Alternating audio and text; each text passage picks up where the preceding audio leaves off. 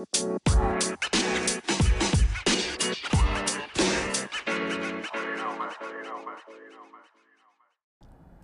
luidjes, daar zijn we weer. De bokschool is back. Afgelopen maand is het wat uh, rustig geweest. Geen, uh, geen podcast op geüpload. Um, de bokschool is een manier om mijn liefde voor het boksen, om liefde voor het boksen te verbaliseren. Hè? Dus eigenlijk van iets ongrijpbaars, een gevoel, een, beleving, um, iets, iets, tastbaars of in dit geval hoorbaars te maken.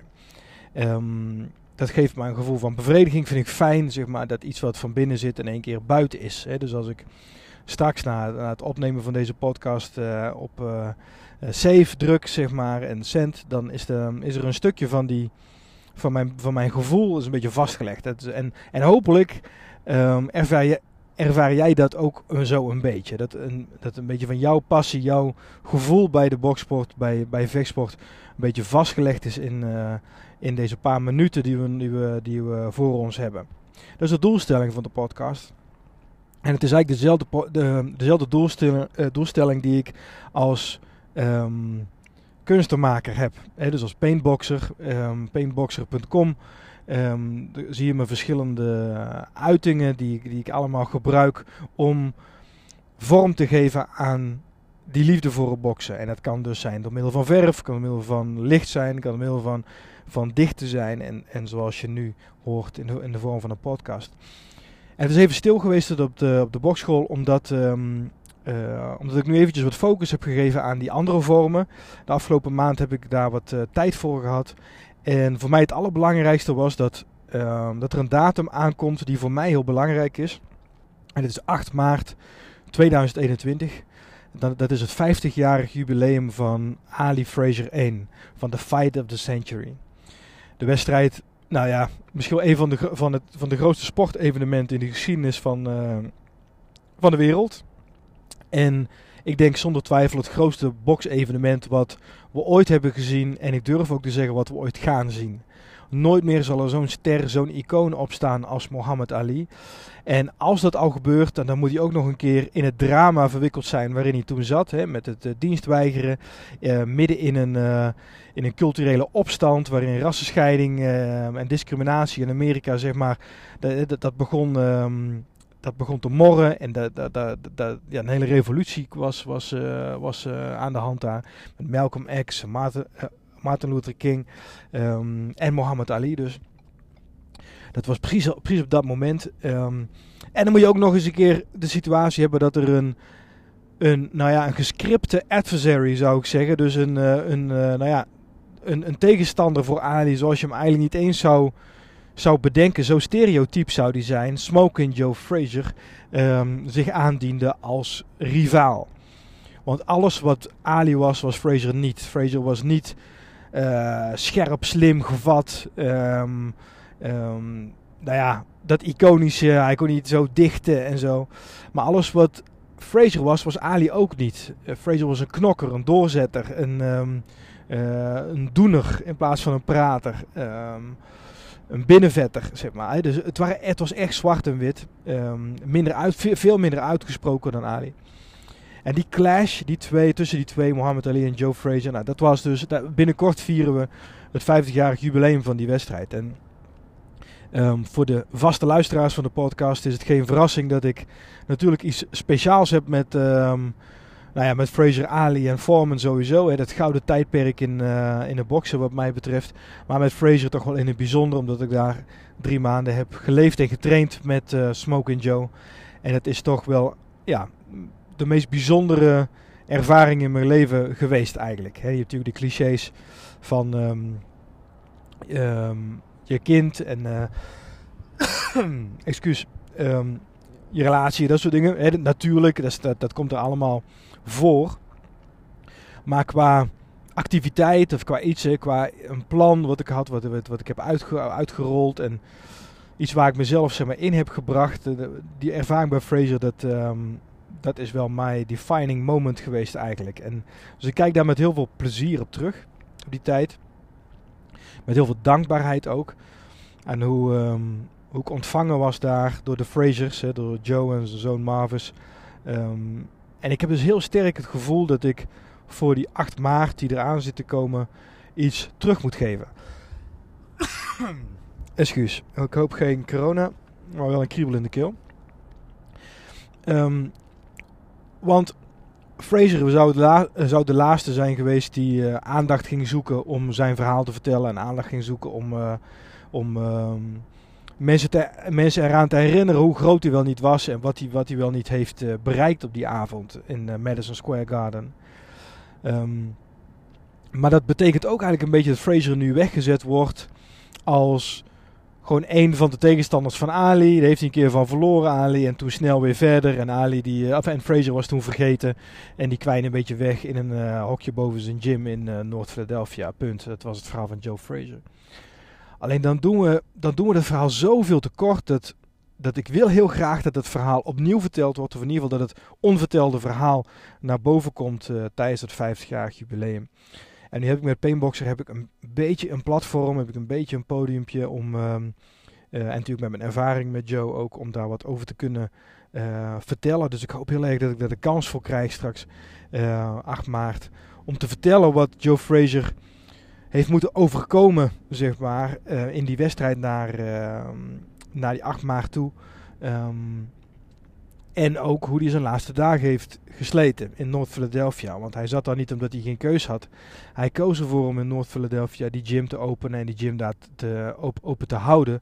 Om de jeugd en de, de verschrikkelijke omgeving daar wat te verlichten. Om een puntje van, van hoop te bieden in die uh, door drugs en criminaliteit verscheurde stad. Verscheurde North Philadelphia. Want het was daar echt heel erg. En als je als wereld wereldberoemde boxlegende ervoor kiest om niet te teren op jouw reputatie en, uh, en alleen maar met media en jezelf bezig te zijn, maar je kiest ervoor om het grootste deel van je tijd, want Fraser had ook natuurlijk zowel zijn media uh, verplichtingen, zo, uh, zou je het kunnen zeggen. Maar als je ervoor kiest om in een gym in North Philadelphia te gaan zitten en daar terug te geven aan de community, aan de, aan de, aan de, de omgeving die je ook heeft gesteund in jouw tijd, dan ben je niks minder dan een echt een, een oprechte held voor me. Een held zoals een, een vader of een moeder of een, een opa of een oma zeg maar, ook een held kan zijn voor een kind of een kleinkind. Weet je wel? Een, een, um, een icoonschap, zeg maar, wat, wat veel dieper gaat dan het icoon Muhammad Ali bijvoorbeeld. Weet je wel? Natuurlijk heeft Ali mensen geïnspireerd um, wereldwijd. En dat, dat, dat is fantastisch, mij ook en waarschijnlijk jou ook, zeg maar. En misschien ook wel om grote dingen te doen. Misschien heeft hij ook echt wel een verschil gemaakt in je leven. Maar dat, nou dat, dat niet maar, maar en, dat is een vorm van groot zijn, van the greatest zijn, zeg maar. Maar een, uh, een goede vader zijn voor je kind, of een goede goede vriend zijn bijvoorbeeld, of goede partner zijn, zeg maar. Dat vraagt eigenlijk veel. Nou nou, misschien moet ik die vergelijking niet willen maken, maar dat vraagt ook heel veel. En dat verdient minstens zoveel respect eigenlijk als, uh, als uh, zo'n legend, uh, Muhammad Ali of uh, noem ze maar op, Elvis Presley, Michael Jackson. Mensen die, die miljoenen hebben of miljarden hebben bereikt met hun boodschappen. Um, eenzelfde grootsheid zit ook in een, in een diepte-investering, zeg maar, om een paar mensen die echt hulp nodig hebben te helpen. Maar dat is veel minder zichtbaar. Dat, dat, is natuurlijk dat is iets wat we als media en als maatschappij eigenlijk helemaal niet oppikken. Er gaat geen filter door onze samenleving uh, heen waar, waardoor die, die helden zichtbaar worden. En misschien krijg je een keer zo'n lintje of zo van de koningin. Maar ik weet niet hoeveel van die ceremonies jij hebt gezien. Maar hè, dat, is, dat ze nou niet echt in de spotlight staan of zo. Hè? Of bij een vrijwilligersvereniging dat iemand een prijsje krijgt uh, na 30 jaar... Uh, elke dag uh, terrein schoongemaakt te hebben. Ik vind het ook heel moeilijk om mezelf daarvoor ja, warm te maken. Om, om daar warm voor te lopen. Om de vrijwilligerswerk en zo. Ik ben ook niet zo altruïstisch ingesteld. Maar des te meer respect en waardering heb ik eigenlijk voor mensen die dat, die dat dus wel hebben gedaan. En ook mensen die de keuze hebben gehad om, om dat helemaal niet te hoeven doen. Hè, dat is ook mijn, mijn uh, bezwaar tegen Mike Tyson en Conor McGregor ook bijvoorbeeld. Hè, van dat soort types die, uh, waar, waar, waar, ze inmiddels alle twee wel wat bijgedraaid zijn trouwens. Uh, um, maar het gaat alleen maar over, over geld en over zichzelf. Hè. Heel egoïstisch. En um, als je zo'n platform hebt als, als een wereldkampioen Dat, en je kan zoveel levens bereiken. Je hoeft maar een ziekenhuiszaal binnen te lopen. En de mensen die, die terminaal ziek zijn, die, die lichten in één keer op bij het aanzicht van jou. Hè. Als zo'n Mike Tyson bijvoorbeeld binnen zou lopen. Ja, weet je, dat, heeft een, dat heeft een impact op mensen. Als je die kracht hebt en je kiest ervoor, want het is een keuze om die niet te gebruiken, maar om die te cashen, zeg maar. Om daar bijvoorbeeld om, om, om voor McDonald's reclame op te nemen of wat dan ook. Nou, dat, is een, dat is een pad. Um, maar om daar juist extra, extra op in te zetten en eigenlijk alleen maar op in te uh, zetten, zoals een Joe Frazier heeft gedaan uh, met het openhouden van die gym.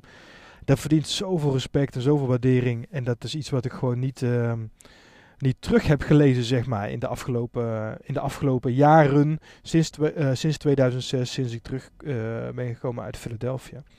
Ik heb nergens dat verhaal gelezen van Smoking Joe, die, um, die eigenlijk dat, die legendarische status verzilverd heeft door een icoon te zijn in zijn omgeving. Zeg maar. door, door de mensen die daar die niet in de spotlight staan, die in de schaduw staan, zoals hij zelf ook in de schaduw stond van, uh, van Muhammad Ali. Om daar, daar ervoor te zijn, om die te helpen. Een van de dingen die me, die me, die me goed bij zijn gebleven is dat um, in de film Ali van Will Smith is er een scène waarin uh, Ali bij Joe Frazier in de auto stapt. Hè. Dat was voor, voor in de aanloop naar die eerste wedstrijd toe. Hè, uh, Ali had dus geen licentie en Frazier probeerde die boxlicentie samen met Ali terug te krijgen. Zodat Frazier en Ali tegen elkaar konden boksen. Hè. Dat, dat, dat, dat zou al twee winst voor hun betekenen. Want niet kunnen boksen, ja, dan verliest iedereen.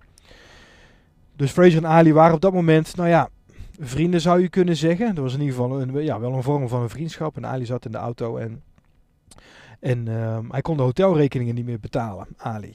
En uh, bekende quote is dat, dat, Fraser op dat moment uh, voorstelde, weet je, als je, als je het nodig hebt, dan laat maar weten, dan, uh, dan krijg je geld, weet je wel. Dan, als je geld nodig hebt, dan let me know. En um, de, de legende gaat dan dat Ali dat geld aannam. En toen de, de taxi uitsprong. En uh, keer heel hard begon te schreeuwen. En smoking Joe Frazier, ah, whoop your ass. En nou, je, je, kent het wel van Ali. Een heel grote scène uh, begon te schoppen, zeg maar. En die barmhartigheid, hè, want dat, uh, dat, dat, dat zou je kunnen interpreteren als, ja, iets, iets wat je met Ali doet. Nou, dat is allemaal is dat een stunt. Alles is circus, denk ik, wat je met Ali doet.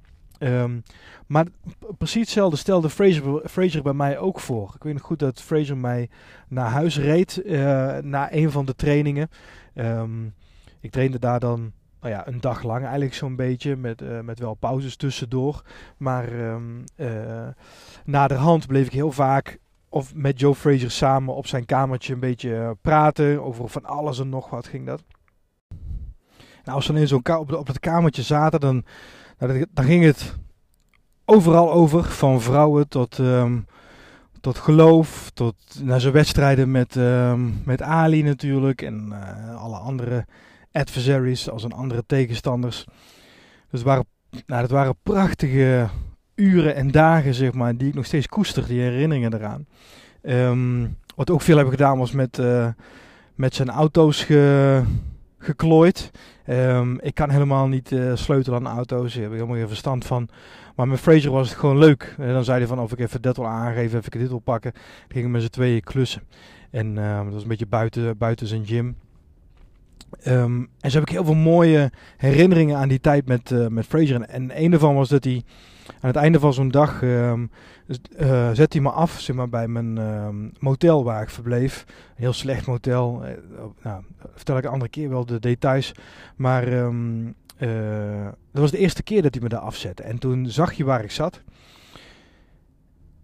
En hij keek me aan van, hier, je verblijft hier. Ja, verblijf hier. En, zei, nou, en toen zei hij ook tegen mij, oh, toen vroeg je of ik geld nodig had. En hij had altijd een rolletje met 100 dollar biljetten in zijn sok zitten, zeg maar. Hij had, altijd veel geld, uh, veel cash geld op zak. Um, hij is natuurlijk opgegroeid, uh, ja, in, um, in het, in het, in in, nou, het platteland is denk ik niet eens de juiste omschrijving, maar in het, in, als, een, nou ja, als een slaaf op het platteland, zeg maar. Dus die had echt helemaal niks in een, in een familie, in een gezin met helemaal niks. Dus als je dan dat soort jongens, net zoals Mike Tyson, dat soort mannen, als je die geld geeft, ja, die, dat moet dan cash en dat moet dan uh, meegedragen worden, zeg maar, natuurlijk, hè. Ehm, dat, en dat zou ik zelf ook hebben gedaan, denk ik.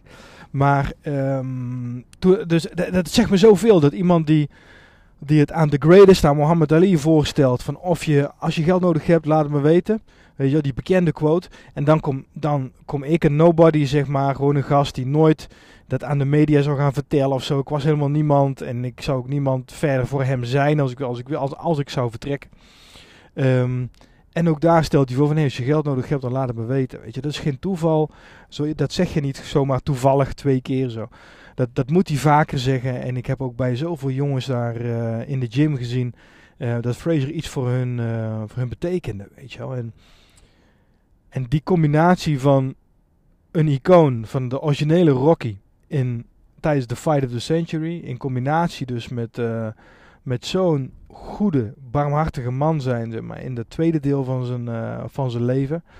Um, ja, dat verdient toelichting, zeg maar. Dat, dat verhaal verdient het om verteld te worden. En um, wat het in ieder geval niet verdient, wat mij betreft, is dat hij weggezet wordt als uh, gewoon een domme gast die, uh, die, die met geluk een keer, of bij geluk een keer van Ali heeft gewonnen. En dat was het dan. Nee, zijn verhaal is veel dieper dan dat, zeg maar. En het is een moeilijker verhaal om te vertellen, want het is veel genuanceerder. En dat past minder in het, in het succesverhaal met alleen maar successen van Muhammad Ali. Het belicht ook een kant waarin Ali um, een andere zwarte man uitmaakte voor een Uncle Tom. Hè, dus voor een uh, witte mans kampioen, zeg maar. Als een, uh, iemand die danst naar de, naar de wens van de witte man. Nou, dat, dat is voor, misschien is het wel de grofste belediging die je van één zwarte man aan een andere zwarte man kan maken. Zeg maar, jij, jij bent eigenlijk nog steeds een slaaf van de witte man. Jij kiest ervoor om hem te dienen. Nou, dat is wat Ali, uh, het verwijt wat Ali Fraser maakte. Dat maakt Fraser ook woedend. Hè. Dat, dat maakte ook dat, die, dat verliezen echt geen optie was voor Joe Fraser tijdens de Fight of the Century. Maar het geeft een dat verhaal is natuurlijk veel dat is natuurlijk moeilijker om te vertellen. We denken nu over Ali als een vrijheidsstrijder. En dat was hij ook. Hè. In hindsight, achteraf gezien, was Ali dat ook. Maar um, hij ging heel ver. Er zijn een aantal interviews ook uh, die, uh, die je online kunt vinden. Waarin, uh, waarin Ali zo polariseert. Hè, met de witte man moet bij de witte man blijven eten. bijvoorbeeld interracial uh, marriage was hij ook zwaar op tegen. Dus een zwarte man met een witte vrouw of andersom. Dat was geen. Uh, dat, dat, uh, dat kon niet. Um, de, de Black Muslims zijn uh, groep waar hij bij hoorde. Nou, dat, was een extreme groep. Dat gezegd hebbende, heb ik door het onderzoek wat ik inmiddels wel heb gedaan, zo naar die Fight of the Century en naar Fraser en Ali, heb ik wel, de afgelopen weken, heb ik wel veel meer um, waar, nou, waardering is het verkeerde woord, begrip gekregen voor Black Lives Matter en voor de um, ja, antiracisme beweging, zeg maar, die we nu wereldwijd zien en waarvan ik hoop dat die doorgezet wordt. Juist door het, door het extreme van Ali, waar ik vroeger altijd heel moeilijk tegen kon, want ik ben niet racistisch en ik discrimineer niet en ik snap niet dat mensen dat doen. Um, dus ik had er eigenlijk, hè, als, daar, als het daarover ging en ik werd een, een witte duivel genoemd, ja, dat, dat begreep ik niet. Ik, ik vond het een beetje een lelijke kant van Ali. Dat hij zo grof was, zeg maar. Uh, dat de witte man uh, ja, de duivel was, zeg maar. Was heel, dat, was, dat was heel duidelijk in. Um, maar na het kijken van al het materiaal en lezen van een aantal boeken inmiddels... snap ik dat je in die... Tenminste, dat is mijn uh, understanding ervan in ieder geval... is dat als je verandering teweeg wil brengen... ja, dan gaat dat niet met... met met gematigdheid. Zeg maar. Je zult uh, zo'n aquatie zul je nodig hebben nu in de maatschappij. Of zo'n vervel zo vervelende Quincy of wat dan ook. Dat soort, dat soort mensen heb je nodig nu om wat in beweging te krijgen. En um, dat. En, en Muhammad Ali in die tijd was, wat, ja, paste daar helemaal in. Zeg maar. Ali was natuurlijk rebels en um, door met de dienst weigeren. Nou, dat uh, patriotism hebben we met Trump nu ook wel gezien. De helft van Amerika zeg maar, is echt van law and order en um, je strijdt voor je land en zo. Nou, dat, dat, zijn veel mensen, hè, bijna de helft. Um, dus ook bijna de helft had een hekel aan Muhammad Ali toen de tijd, omdat hij dus dienst weigerde. Er waren andere jongens. Moet je je voorstellen dat jouw zoon uh, opgeroepen wordt om uh, deel te nemen aan de Vietnamoorlog. Hè. Die moet zijn, en die mag niet zijn dienst weigeren of die, of die gaat tien jaar de cel in. Um, daarvan denk je van, nou goed, het is voor het land, het is voor de vrijheid en nou ja, vul maar in. en dan zie je iemand, een publiek figuur, die al zeg maar in een kwaad daglicht stond. Want de Black Muslims, dat klinkt nu niet gezellig, maar dat, klinkt, dat klonk toen nog veel ongezelliger. Ehm, die, die weigert dienst en die zit elke avond uh, met zijn gezicht voor de, voor de camera, zeg maar. Hè. Die, die, die krijgt uh, de accolades, die wordt, dat wordt als een icoon en als een, een held gezien, zeg maar. Terwijl jij jouw zoon misschien wel aan het kwijtraken bent, zeg maar, dankzij die oorlog. Je vindt misschien, nee, hij moet ook dienst. En dat is voor iedereen, hè? gelijke monniken, gelijke kappen. Geen uitzonderingen.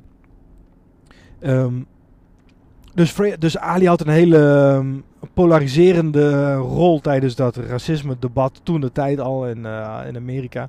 Maar ik begrijp nu veel beter, ja, dat dat nodig is voor, voor beweging. Het verhaal wat me het meest geraakt heeft, wat echt een uh, gedachte um, rol zeg maar, heeft uh, veroorzaakt, is de moord op Emmett Till. Dus E-M-M-E-T, Emmett Till, T-I-L-L. En Emmett Till, um, of nou één of twee, dat weet ik niet, maar in ieder geval Emmett Till um, is grof, grof vermoord omdat hij zogenaamd tegen een vrouw uh, iets, uh, iets uh, ja, hoe zeg je dat, heeft, had gezegd. Wat achteraf dus helemaal niet zo waar bleek te zijn ook. Zo'n zo vrouw, de vrouw waar het om ging, die heeft het later op, op een sterfbed bekend dat het verzonnen was. Maar er is een zwarte jongen is gelyncht door een uh, mob, door een witte mob. Die hem uh, niet alleen zomaar opgehangen heeft, hè, wat uh, erg is. Maar ze hebben verschrikkelijke dingen gedaan met die jongen. En de foto's, want ik heb ook wat foto's van gezien, ook zeg maar van voor en na. Die zijn ook zo in de krant gepubliceerd toen de tijd. Hij is ook met een open kist is hij begraven. Um, de foto's dat, ja, die zijn eigenlijk onbeschrijfelijk. Die moet je zien. Emmet Till. Um, en dat allemaal, die jongen is dus mishandeld, zijn ogen is uit zijn, uit zijn, uh, uit zijn uh, kas gerukt. Hij is verdronken, in elkaar gemapt, verbrand. Er zijn verschrikkelijke dingen mee, mee gebeurd. Het is een monster om te zien was het. En dat is zeg maar in de tijd gebeurd, alleen omdat hij zwart was. En dat is in de tijd gebeurd van onze ouders of grootouders, laat ik het zo zeggen. Dus onze grootouders hebben dat, die leefden in die tijd dat dat gebeurde. En het enige wat je hoefde te zijn was zwart en er gebeurde dat met je. Weet je, en dan moet je maar naar die foto's kijken, dan dit was het resultaat van een zwarte huidskleur hebben. En als dat zo in jouw DNA zit, zo dichtbij in jouw uh, geschiedenis ligt, weet je wel, dan, uh, dan begrijp ik het helemaal dat je nu met een bord in je hand opstaat en die strijd wil strijden zeg maar, tegen racisme, tegen discriminatie. In Amerika helemaal. Daar ligt het nog veel dichterbij. Bij ons ligt het qua tijd gewoon iets verder weg nog. Hè, want slavernijverleden is iets ouder. Um, maar ook bij ons ligt het gewoon in de recente geschiedenis. Alleen als je niet verder kijkt dan wat recht voor je ligt, uh, dan zie je niks inderdaad. En dan is er niks aan de hand. Hoezo? Alleen je bent een product van wat er voor je was. Je, je bent niet een op zichzelf staand mens. Je bent er omdat je twee ouders hebt gehad. En die ouders ook weer omdat ze grootouders hebben gehad. En dat zijn niet alleen de biologische lichamen, maar dat gaat ook om welke cultuur ben je opgegroeid. Weet je? En, dat, en dat draag je allemaal mee. Dus ik heb heel veel begrip gekregen door eerst onderzoek te doen naar Ali. En toen kwam ik dat Emmett Till verhaal tegen. Waar, en dat, uh, dat was in de tijd van Ali. Hè, de tijd met de, met de beroemde verhaal ook dat hij zijn uh, Olympische medaille weggooide. Omdat hij uh, geweigerd werd in een restaurant. Dat was echt in de tijd dat zwarten nog achter in de bus mo moesten zitten. En het is gewoon niet zo lang geleden. En dat raakt me nu pas eigenlijk in deze tijd, in deze afgelopen maand zo'n beetje, kwam het binnen van, wacht, het is zo recent, weet je wel. Het voelt zo lang geleden. Het voelt als een van de geschiedenislessen die je tijdens de middelbare school hebt gehad of zo, weet je wel. Ja, dat was ook, er was ook zoiets als discriminatie. Maar dat, um, dat, dat, is door de, dat wordt zo alleen zeg maar, ervaren door de grote minderheid, zou ik zeggen. Door de minderheid die... Uh, die nooit met discriminatie te maken heeft gehad, of die verhalen niet met de paplepel uh, ingegoten kreeg, ja, die, uh, die minderheid, die, die, die, ja, die voelt dat minder. Nou, ik, ik, ik ben daar in ieder geval onderdeel eh, van. Ik ben benieuwd als ik dit zo vertel hoe dat eh, voor jou is. Of je het ook zo als een geschiedenisles, zeg maar, gewoon, of een maatschappijleerles uh, gadeslaat. Het hele Black Lives Matter en racisme um, debat, die hele opstand nu, zeg maar. Of dat je, dat je ook wel een, een persoonlijke betrokkenheid en begrip voelt. Ik ben best wel benieuwd hoe dat zit.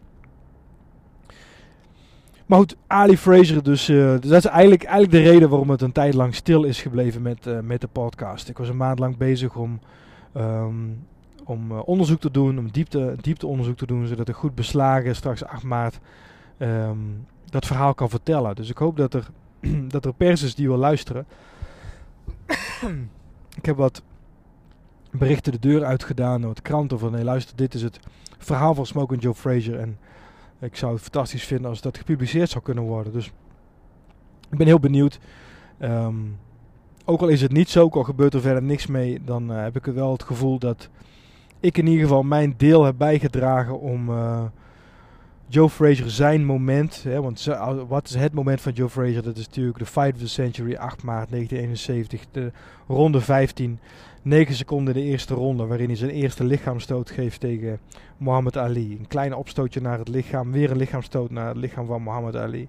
En dan terwijl Ali naar links beweegt en naar achter beweegt, zoals hij de hele wedstrijd al deed, bukt Joe Frazier naar voren toe en luncht, springt naar voren met zijn lange linkerhoek, bam, en Ali gaat naar het canvas. Dat is het moment van, van het leven van Smoke en Joe Frazier. En omdat Joe Frazier zo'n belangrijk onderdeel is van mijn leven, is dat een moment wat ik graag wil delen, wat ik graag herinnerd zie. Via deze podcast op dit moment, as we speak, ben ik dat aan het doen. Dus vind ik leuk.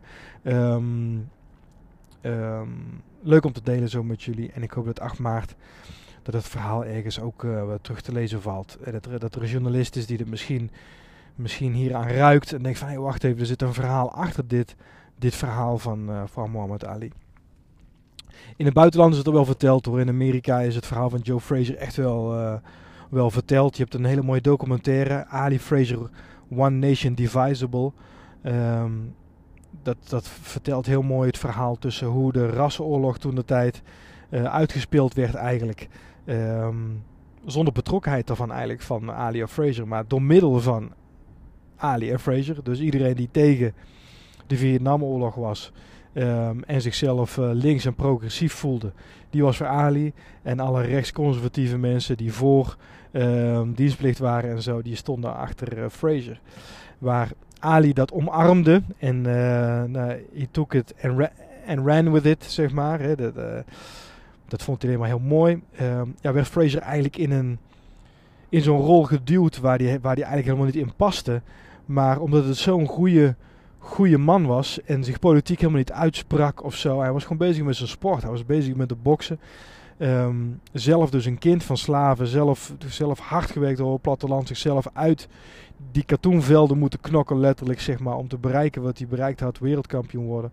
Um, niet bezig zijn met politiek of wit of zwart, maar de beste, de beste jij zijn die je kunt zijn.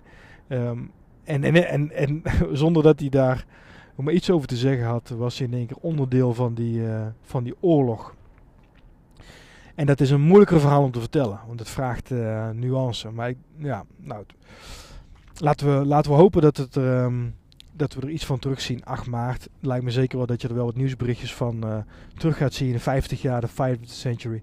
Het mooiste sportevenement alle tijden wat, wat mij betreft. Nooit eerder en misschien nooit meer gaan we zo'n dramatisch verhaal rondom een sportevenement uh, zien. Wat alleen maar overtroffen werd door het sportevenement zelf. Want we hebben het nog niet eens over de bokswedstrijd zelf gehad. Um, want veel, veel wedstrijden tegenwoordig worden als de Fight of the Century aangeduid. We hebben natuurlijk McGregor tegen Mayweather gehad. Wat een prachtig mediaspectakel was. Maar de wedstrijden zelf uh, zijn teleurstellend vaak. Klassiekers in het voetballen of zo zijn vaak teleurstellend. Een beetje een 1-1 of weet ik het wat. Dit overtrof alle, alle verwachtingen deze wedstrijd. Muhammad Ali tegen Smoke Joe Frazier 1. Je gaat geen betere bokswedstrijd zien als je die opzet. Deze podcast was voor mij vooral een moment om even terug te komen, weer op te starten. Um, om er weer eentje te doen. En ik hoop dat er hierna nog, uh, dat de volgende zich niet, uh, niet te lang op zich laat wachten. Dat, uh, dat het een weekje duurt, max. Um, want misschien heb je het ook wel met goede voornemens en dat soort dingen. Het is het, het beginnen, het doen zeg maar, dat is het moeilijkste. Um, en het erover nadenken en praktiseren, dat, dat, dat doen we allemaal wel, denk ik. Maar het, over, het, het, het, zeg je dat, overgaan tot handeling, dat is uitdagend. En dat is ook wel een dat is iets, iets wat Joe Fraser denk ik ook bracht, is doen, is handelen zeg maar, versus praten. Dus, wat Ali natuurlijk veel deed. Maar ik, ik las een quote van Gary Vee, um, ook zo'n soort Tony Robbins-achtige inspirational knakker.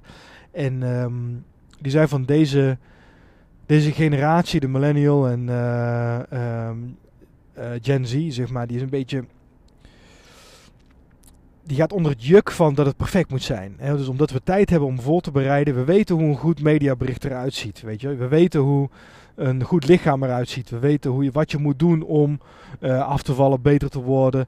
Dus, en, dat, en omdat we weten omdat dat, die, dat je um, die voorbereiding goed moet plannen, dat alles dat het in de details zit en zo er gaat heel veel tijd verloren aan het perfectioneren van iets voordat je eraan begint. Aan een, een perfecte voorbereiding voordat je tot, executie overgaat. Als, als ik die. En, het, en dat, dat is goed, hè, want dan krijg je een beter resultaat ook. Alleen het duurt veel langer voordat je tot een handeling komt, tot een actie komt. Um, als je er überhaupt al ooit aan toe komt. Als er niks anders in de tussentijd op je weg komt. Hè? Het, uh, het leven is wat je overkomt terwijl je bezig bent het, uh, het te plannen. En deze podcast zou niet bestaan. Deze podcast waar je nu naar zou luisteren zou niet bestaan als ik hier een hele lange voorbereiding voor zou hebben uh, gehad.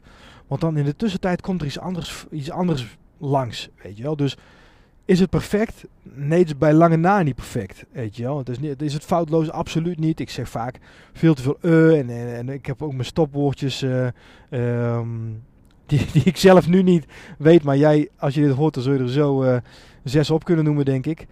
Maar liever dat, liever een, uh, liever een podcast maar, die verre van perfect is, maar die er wel is, dan een, een niet bestaande podcast die in theorie hartstikke goed zou kunnen zijn. Weet je wel? En dat, um, dus het handelen, het doen, zeg maar, dat maakt het verschil. Weet je? Het handelen, het doen. En dan de, de laatste quote van Cas D'Amato, die laatste ook zoveel jaar uh, geleden overleden was. De bekende trainer van, uh, van uh, Mike Tyson toch vooral. Maar ook Floyd Patterson bijvoorbeeld, andere grote kampioenen. Castomato zei dat, hè, dat het verschil tussen een held en een lafaard is wat je doet. Is niet hoe je het nadenkt of wat je ervaart, maar wat je doet. Ik heb de quote vaker verteld in de podcast, maar doe het nu weer. dus als jij als de lafaard die voelt dezelfde pijn als de held. De held voelt dezelfde pijn als de lafaard. Op het moment dat je met een marathon bezig bent, met een bokswedstrijd, met carrière maken, met wat dan ook, ervaart de held en de lafaard dezelfde tegenslag, dezelfde drempels, dezelfde uitdagingen. Um, het enige verschil, het enige verschil zit hem in jouw handelen. En wat doe je? Wat zijn jouw acties? Weet je, wel? je hebt de pijn in je linkerkuit, ik stop en ik zeg van nee, ik kan niet meer of ik ga door. je nou ja, en vul, vul de rest maar in voor hetgeen wat, wat praktisch is voor jouw leven momenteel. En dat is wat Smoke en Joe Frazier aan tafel bracht. Zeg maar. Dat is wat hij op tafel legde. Dat is mooi verhaal, goed verteld, goed, goede praatjes. Mr. Cassius Clay, Muhammad Ali. Maar dit is wat ik ga doen. Doen, doen, doen, doen, doen, doen, tang. Linkerhoek, 15e ronde. Muhammad Ali goes down. Oké, dames en heren. Leuk weer zo. Um, ik had beloofd um, um, het over Muhammad Ali en George Foreman te hebben. Misschien heb je het nu wel even genoeg, uh, Ali, uh, gehad voor deze en de volgende podcast. Dus wat we de volgende keer gaan bespreken, weet ik nog niet. Er staat uh, de wedstrijd, nu is nu as we speak, het is nu een vrijdagavond. Wat die eraan zit te komen is Conor McGregor tegen eh, Dustin Poirier. de wedstrijd die, wat mij betreft, de bokswedstrijd tegen Manny Pacquiao mag gaan um, voorzetten. He, dus als McGregor dit wint, dan verwacht ik eigenlijk een bokswedstrijd tegen Manny Pacquiao als zijn volgende event. Daar heb ik al een podcast over gedaan. Um, maar ik ben dus wel heel benieuwd hoe die wedstrijd tegen Poirier zal gaan um, verlopen. McGregor zal vast winnen. Niet binnen 60 seconden, denk ik eigenlijk. Zoals hij zelf zou hebben we voorspeld. Hij, hij, hij, denkt dat hij binnen, binnen een minuut knock-out uh, mapt. Een beetje zoals hij tegen Cowboy Cerrone heeft gedaan laatst. Maar dat lijkt me wel heel snel. Ehm, we gaan het zien, ik ben benieuwd. In de, volgende de podcast gaan we weer een mooie bokswedstrijd bespreken. Dames en heren, bedankt voor het luisteren. Tot de volgende.